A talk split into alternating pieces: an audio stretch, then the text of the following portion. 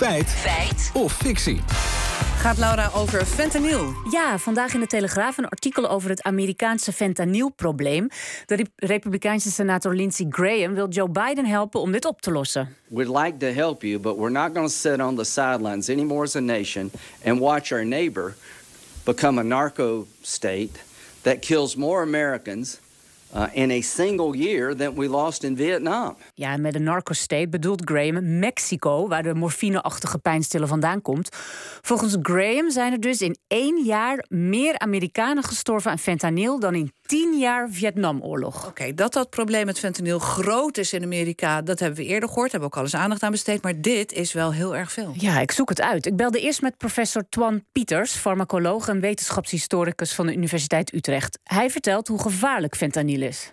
Fentanyl is 50 maal zo sterk als heroïne. Nou, dat uh, zegt wel wat. Hè. Uh, dus je kunt uh, hele kleine hoeveelheden fentanyl, die, die zijn mogelijkerwijs kunnen die al tot uh, desastreuze effecten leiden. Ja, fentanyl is een synthetische pijnstiller. Een deel wordt legaal gemaakt in Amerikaanse fabrieken, maar een deel komt illegaal uit Azië via Mexico naar Amerika. Dus het zijn in feite gewoon hele sterke pijnstillers.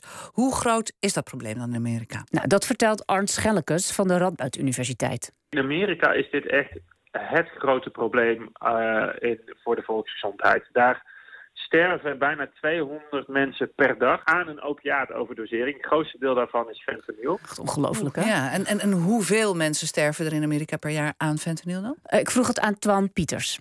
Als we het hebben dan over uh, opioïd-gerelateerde doden uh, in 2021... dan hebben we het over 80.000 ongeveer in uh, Amerika. En daarvan is een gedeelte uh, fentanyl gerelateerd. Dus dan heb je het ongeveer tussen de 50 en 60.000 uh, doden. Goed. En als je deze cijfers dan vergelijkt met het slachtofferaantal tijdens, ja, het klinkt een beetje grotesk, maar goed, dat, dat is wat die Lindsey Graham uh, doet Precies, tijdens ja. de Vietnamoorlog. Ja, dat legde ik voor aan Sarah Polak. Zij is docent American Studies aan de Universiteit Leiden. Dat is vrij lastig in te schatten, omdat het een guerrilla-oorlog was, waarbij ook heel veel burgerdoden vielen, zeker aan de Vietnamese kant. De inschattingen lopen uiteen van de, nou ja, in totaal 2 tot 4 miljoen, waarvan de overgrote meerderheid aan de Vietnamese kant. En van Amerikanen zijn dat ongeveer iets meer dan 58.000. Oké, okay, dus 58.000 Amerikaanse slachtoffers tijdens de Vietnamoorlog. Dat staat dus ongeveer gelijk aan die Amerikaanse fentanyldoden in 2021. Nou, nee. Arndt Schellekens nogmaals. Er gaan natuurlijk heel veel mensen uh, overlijden zonder dat daar uh, wordt getest op opiaatoverdosering. Dus waarschijnlijk een onderschatting. Dus we weten niet precies hoeveel mensen nou echt aan een opiaatoverdosering zijn overleden. En al helemaal niet welk aandeel dat van fentanyl dan was. Ja, de cijfers zijn dus al enorm hoog, maar het exacte aantal ligt nog hoger. Oké, gaan we naar uh, de core of the business. Feit of fictie. In één jaar overlijden meer Amerikanen aan de pijnstiller fentanyl...